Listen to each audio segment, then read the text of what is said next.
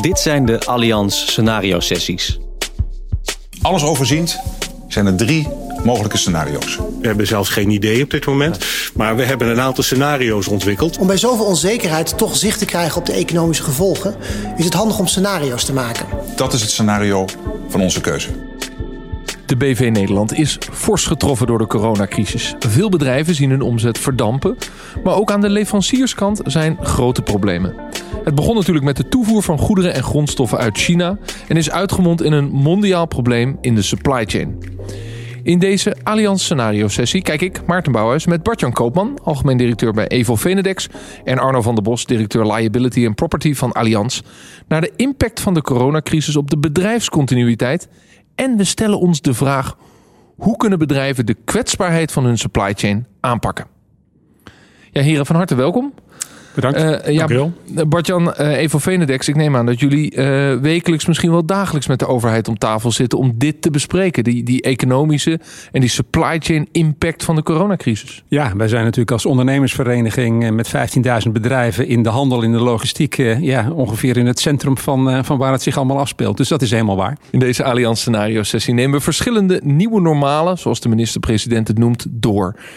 Um, in deze podcast neem ik graag twee scenario's met jullie door die gevolgen hebben voor de supply chain binnen diverse sectoren. Waar moet de ondernemer rekening mee houden en hoe kan hij de kwetsbaarheid op zijn supply chain inperken? Dat is de vraag die op tafel ligt. De scenario's die we bespreken hebben uiteraard te maken met beperkende maatregelen. In scenario 2 kijken we vooral naar de mogelijke gevolgen in Europa. Maar eerst scenario 1. De coronacrisis heeft ons land geleerd dat we te afhankelijk zijn van andere landen. De Europese Unie besluit dan ook dat er beperkte handel gedreven kan worden met China.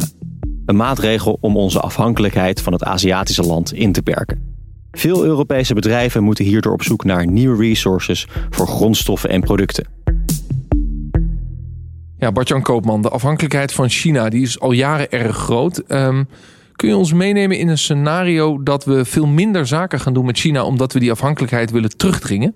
Ja, dat zal ik, uh, dat zal ik proberen. Kijk, uh, ik denk dat het goed is om te beginnen te zeggen dat uh, deze coronacrisis eigenlijk volgt op al een paar jaar handelsoorlogen. Met name tussen de VS en China, maar daar ligt natuurlijk ook Europa midden tussenin. En eigenlijk daaraan voorafgaande was er al een forse discussie, zeker bij de grotere bedrijven, om te kijken of China als fabriek van de wereld nog wel zeg maar, zijn rol zou moeten vervullen zoals hij die vervulde. En ik denk dat deze drie dingen nu helemaal met elkaar samenvallen. En wie voerde die discussie dan over die rol van China als fabriek van de wereld? Nou, de bedrijven zelf om te beginnen. Want die gaan er natuurlijk over hun eigen supply chain. Maar natuurlijk in breder verband zijn er uh, onderwerpen zoals geopolitieke onderwerpen. Zoals dingen die met compliance te maken hebben. Dingen die met risico te maken hebben waar we hier vandaag voor bij elkaar zijn. Die natuurlijk ook vanuit uh, overheidswegen, vanuit de Nederlandse regering. Maar zeker natuurlijk vanuit de Europese Unie uh, naar boven komen. En zie je dan dat de coronacrisis een versnelling is van ja, dat denken over ja, hoe moeten we die afhankelijkheid van China verminderen? Ja, ik verwacht een versnelling. Zeker op strategische sectoren. Dus dat is natuurlijk eh, obvious als het gaat over de medische hoek. Als we nu over mondkapjes of over beademingsapparatuur of over dat soort dingen praten, is dat uh, evident, zou ik bijna zeggen. Medicijnen is een breder verhaal. Uh, wat ook China, maar vooral ook India natuurlijk met zich meebrengt. Dus je ziet die afhankelijkheid, die willen we op strategische vlakken willen we terugbrengen. Ja, en hoogtechnologische sectoren, zoals de relatie van ASML met China. Zullen we dat in stand houden of zullen we ook daar proberen dat Europeeser te, te maken? Nou, ik denk als je ASML vraagt, dat we ASML eigenlijk vindt dat uh, zij gewoon de wereld moeten kunnen blijven beleveren. Uh, zij zijn en vinden ook dat ze technologisch zo ver voorop lopen dat ze dat ook zouden moeten kunnen. Alleen dan gaan er natuurlijk andere belangen spelen. En die belangen liggen voor een deel bij de keuzes die de Europese Unie zou willen maken. Wat is zeg maar strategisch voor de Europese Unie van belang? Maar daar worden we natuurlijk met z'n allen ook wel aardig in de wielen gereden door Amerikaanse druk. Ja, begrijp ik. En dan laagtechnologische sectoren, simpele dingen als nou ja, al het, al het plastic speelgoed en uh, dingen voor in huis die uh, bij de Action bijvoorbeeld worden verkocht. gaan we daar een verandering zien? Dat we dus die afhankelijkheid niet willen, maar dat we ook eigenlijk vinden dat we dat minder gaan invoeren? Ook daar verwacht ik wel, wel enige verschuiving. ik begon natuurlijk al te zeggen dat die supply chain al een beetje aan het veranderen was. Kijk, China als fabriek van de wereld was ooit een concept gebaseerd op lage lonen. Dat is natuurlijk echt al lang niet meer. Uh, maar China is natuurlijk wel heel goed in fabrikage. Uh, en uh, je kunt wel zeggen van als bedrijf, ik wil het ergens anders geproduceerd hebben. Maar het is natuurlijk ook altijd een kostenbatenafweging. Nou is het wel verstandig, en ik denk dat dit verhaal met corona dat echt op tafel legt. Dat je misschien niet afhankelijk wil zijn van één leverancier liever van meerdere. Hè? Dat hele dual sourcing, multiple sourcing. En dat je vervolgens misschien ook wil kijken... nou zou ik eigenlijk alleen afhankelijk van China willen zijn... of is het misschien verstandig om meerdere landen zeg maar, als leverancier te hebben? Ja, Arno van der Bos, uh, dual sourcing, multiple sourcing. Oftewel, zorgen dat je verschillende bronnen hebt uh, voor de uh, producten en diensten die je nodig hebt. Dat heeft dan te maken met risicospreiding. En dat heeft natuurlijk invloed op ja, hoe heb ik nou de risico's van mijn bedrijf onder controle. Uh, is dit een positieve ontwikkeling dat we zorgen dat we onze risico's breder spreiden en niet alleen maar die afhankelijkheid van China hebben? Ja, absoluut wel. Kijk, uh, het begint natuurlijk bij de ondernemer zelf. Uh, die maakt zijn keuze daarin. die is primair ook verantwoordelijk voor zijn risicospreiding. En wij als verzekeringsmarkt uh, zullen natuurlijk altijd op wijzen om zijn risico's zoveel mogelijk te spreiden over de landen heen. Uh, zowel aan de ja, toeleveranciers als afnemerskant. Dus niet alles op, niet alles op één paard. Dus nee, maar er zijn natuurlijk best wel veel bedrijven die een stevige afhankelijkheid van China hebben. Ja. En vind je ook dat het intermediair hun risicoadviseur nu moet zeggen: laat China maar een tijdje een beetje links liggen? nou, dat kunnen ze zeggen. um, Nee, ik denk, ik denk dat het allerbelangrijkste is om die ondernemer bewust te maken van de keuzes die hij maakt. Als die ondernemer heel bewust kiest, ik ga 100% voor uh, China. Oké, maar wat heeft het dan voor gevolgen als er iets gebeurt met China? Dat is het meest belangrijk. Kan ik het opvangen, kan ik het niet opvangen? Daar zullen wij naar kijken. Puur aan de verzekeringskant samen. Maar denk je dan dat de ondernemer uh, lacht zoals jij lacht en zegt, ja, dat kun je wel zeggen. Maar daar heb ik de beste producten, want het is, zoals Bart-Jan zegt, een hele goede maakfabriek. Uh, en het heeft ook nog de beste prijs. Dus ik ga dat helemaal niet in Roemenië of Bulgarije halen om twee willekeurige landen te noemen. Ja, zoals ik zeg, het is inderdaad zijn kostenoverweging. Ik weet niet wat het hem nu kost namelijk. Dus dat is, dat is de overweging die wij met hem moeten doornemen. Het gaat ons om, om het scenario bedenken. Dus meestal als wij bij een klant zitten met z'n adviseur... dan zeggen wij, oké, de wat-als scenario's. Wat als er wat gebeurt? Wat als dit, wat als dat? Ja, dat is precies waar deze podcast over gaat. Het, het gaat over scenario's. Ja. En het scenario is dus dat we minder afhankelijk willen worden van China. Maar Bartjan, de vraag is dan dus... hebben we overheidsregulering nodig om ondernemers die kant op te bewegen? Want blijkbaar als ik het ze voorleg, dan zeggen ze... ja, hallo, ik kan het daar gewoon het beste halen. Nou, ik hoop niet dat we in een situatie terechtkomen dat we overheidsregulering krijgen bij al onze bedrijven in Nederland. Dat de overheid gaat vertellen waar je moet inkopen, hoe je, hoe je dat moet doen en hoe je je supply chain moet organiseren. Dus dat gaat echt alleen over puur strategische zeg maar, sectoren. Dat is al een hele ingewikkelde discussie. Hè? Industriepolitiek in Europa is een hele ingewikkelde discussie. Kijk maar naar de discussie die we hadden over eh, de treinenbouwers in, eh, in Europa. En eh, wel of niet zeg maar, samen groot worden en misschien wel opboksen tegen de Chinezen. Nou, dat soort discussies denk ik dat verstandig is om te voeren. Net zoals die medische en medicijnen discussies.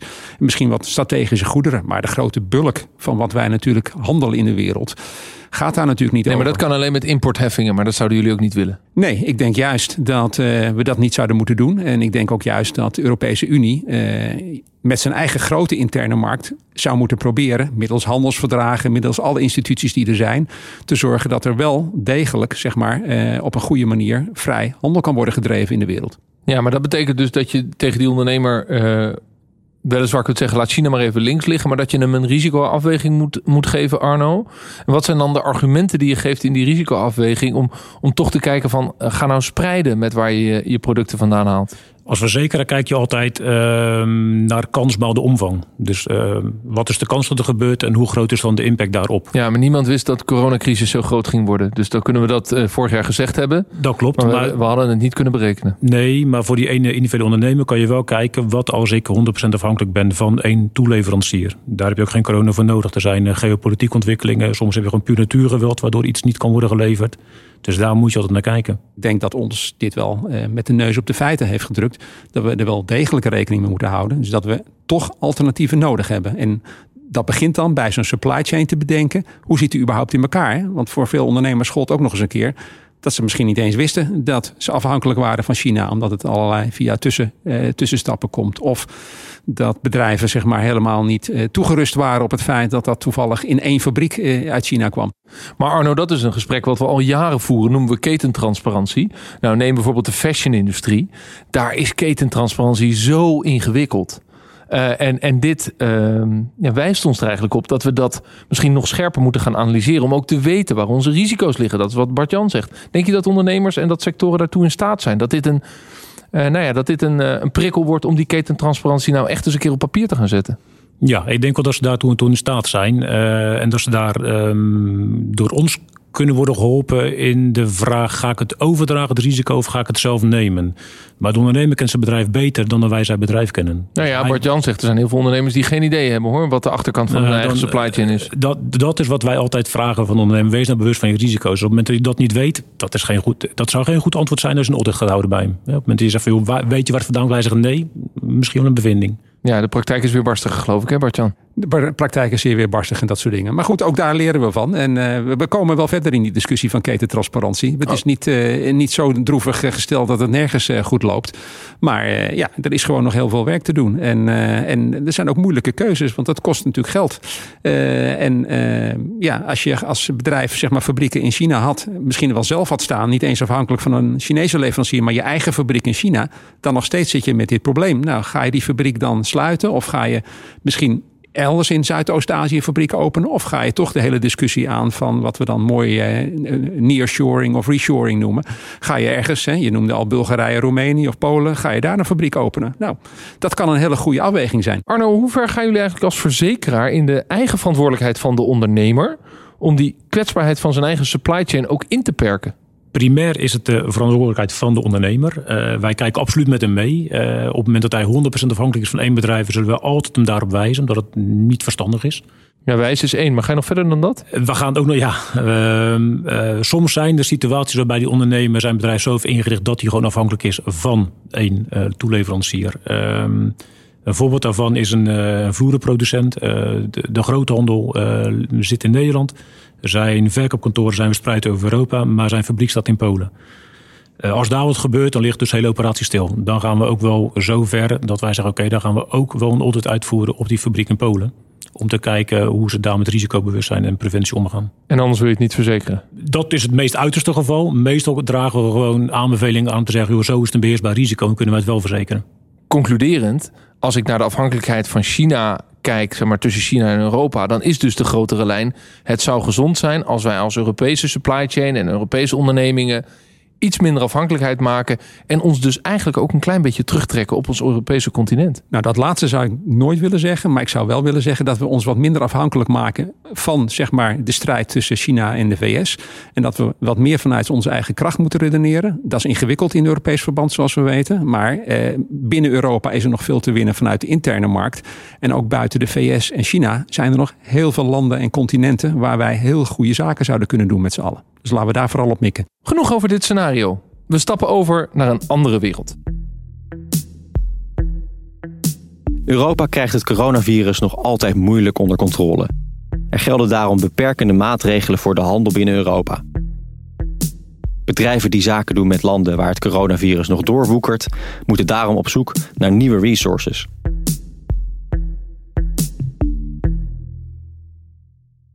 Ja, Bartjan, um, geen zaken meer met China. Daar hebben we het net over gehad. Maar toen hadden we het ook al over. Ja, eigenlijk gaan we ons Europeeser richten, zou je kunnen zeggen. Dat benoemde jij al. Uh, laten we eens even kijken als we uh, Italië en Spanje nemen. En we mogen daar ook maar beperkt mee handelen. Of misschien wel nauwelijks mee handelen. Hoe groot is de afhankelijkheid van die landen voor Nederland? Nou, die is best fors. Kijk, Nederland is natuurlijk een enorm exportland. Uh, maar het grootste deel van die export, twee derde van die export, gaat naar de Europese Unie.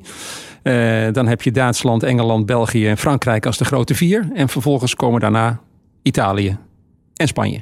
En dat gaat echt om uh, Italië bijvoorbeeld 20 miljard export. Uh, ook een fors, fors bedrag, ik geloof 12 miljard uit mijn hoofd import.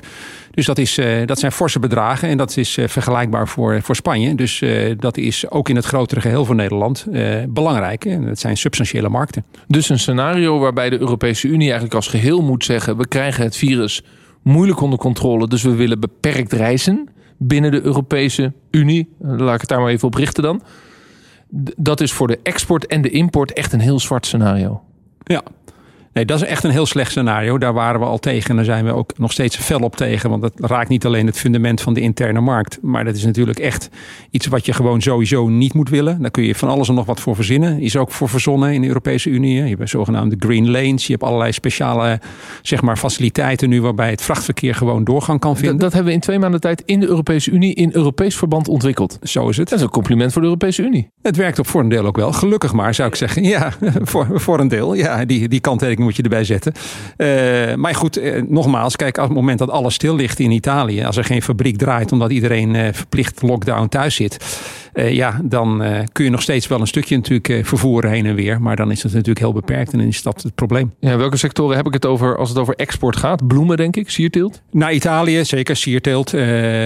maar ook wel, zeg maar, heel veel doorvoer. Hè, van, die, van die 20 miljard die ik noemde, is ongeveer de helft doorvoer. Dus het gaat over allerlei elektronica, over telecom. dat gaat over allerlei goederen die vanuit China binnenkomen of uit andere landen binnenkomen. Dat komt in de Rotterdamse haven binnen en dat, dat gaat dan op de doorvoer? Ja, of dat, dat, daar passen we nog wat op aan. Hè. Dus soms is er wat als extra toegevoegde waarde daar aan toevoegen. Maar dat is een deel van het verhaal. En een deel van het verhaal is natuurlijk gewoon machines.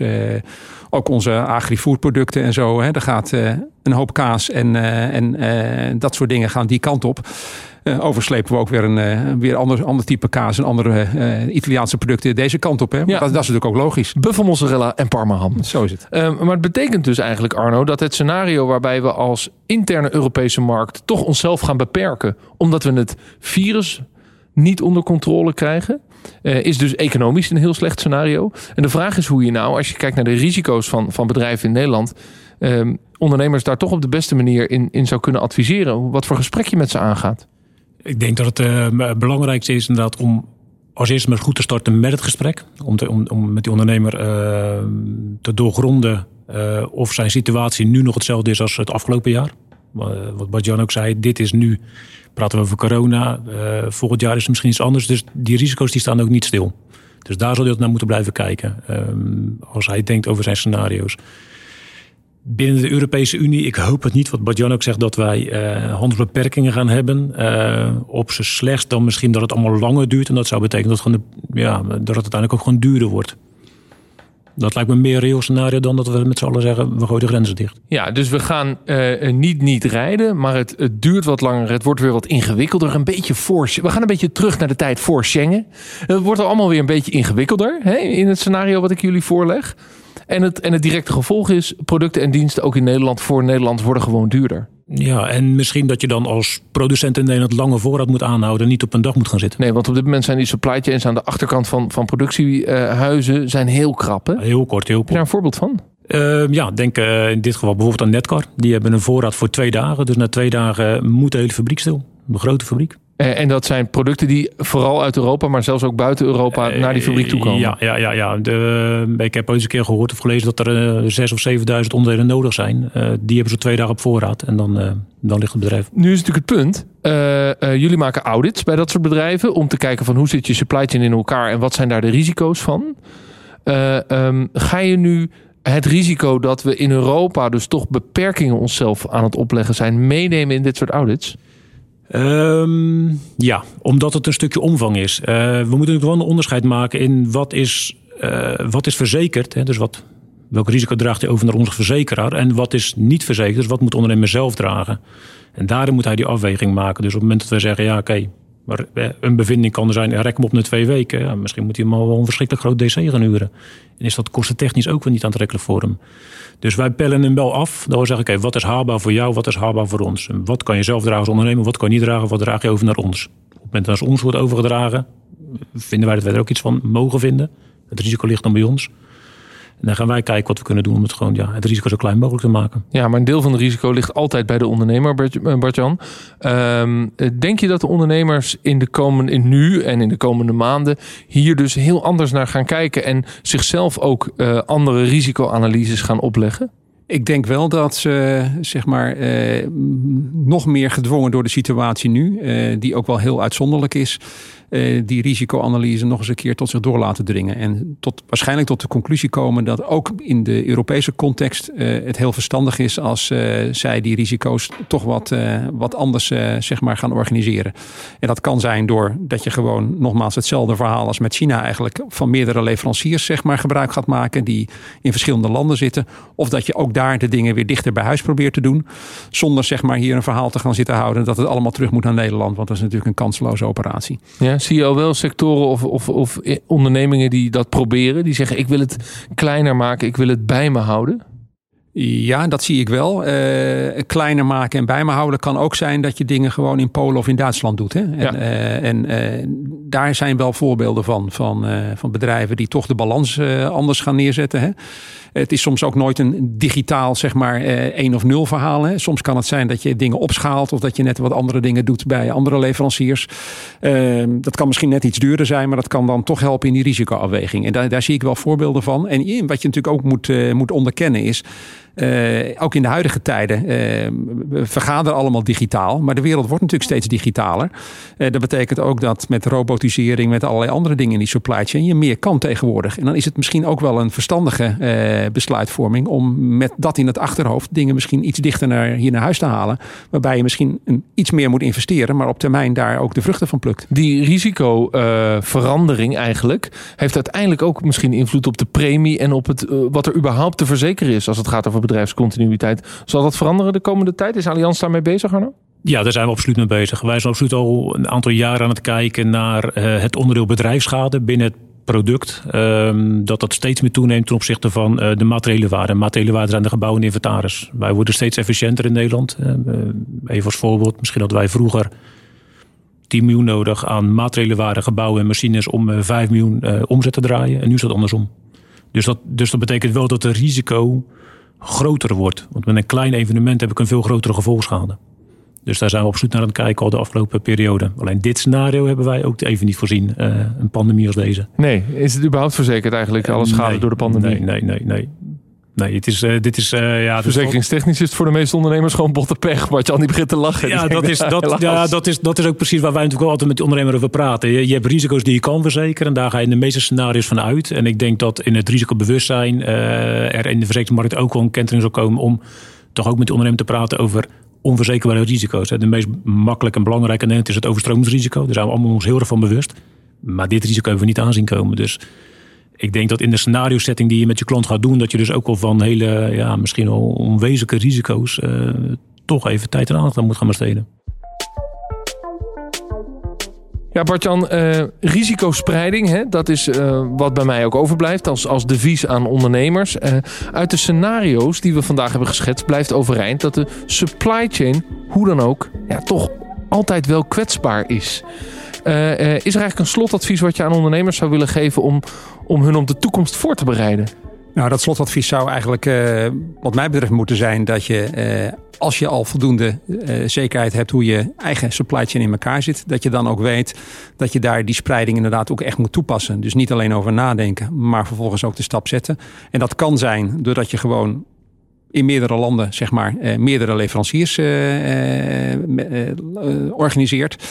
dat kan ook zijn doordat je ook de politieke risico's en de geopolitieke risico's die er op dit moment in de wereld heel erg sterk zeg maar, spelen, daar ook een analyse van maakt. En dat je alleen al daarom als, als bedrijf, of je nou importeert of exporteert, maakt eigenlijk niet eens zo gek veel uit, dan voor spreiding zorgt. En dat heeft in het verleden zeg maar, heel veel bedrijven heel veel opgeleverd. Want dat, dat maakt dat je ook in dit soort zeg maar, crisis er uiteindelijk beter uitkomt. Dus ken je supply chain, handel ernaar, spreid de risico's, lees de krant en, en pas je aan aan die geopolitieke risico's die er op ons afkomen. Zo is het. Arno, welk advies heb jij eigenlijk voor het intermediair dat nu luistert en uh, ja, hierover in gesprek moet gaan met de klant? Ga juist het gesprek aan met de klant en niet alleen nu. Nu is iedereen uh, doordrongen van een noodzaak met wat er allemaal gebeurt, maar ook in de toekomst. Uh, het is niet een statisch gegeven, het is nu COVID.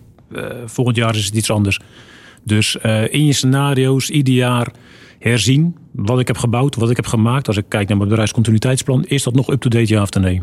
Dus hij moet echt periodiek, afhankelijk van het type risico, met zijn klant in gesprek uh, zijn en blijven. Ja, want het probleem is namelijk dat als het volgend jaar COVID-20 is en dan COVID-21, dan hebben we het allemaal geregeld. Het probleem is er gebeurt tien jaar niks.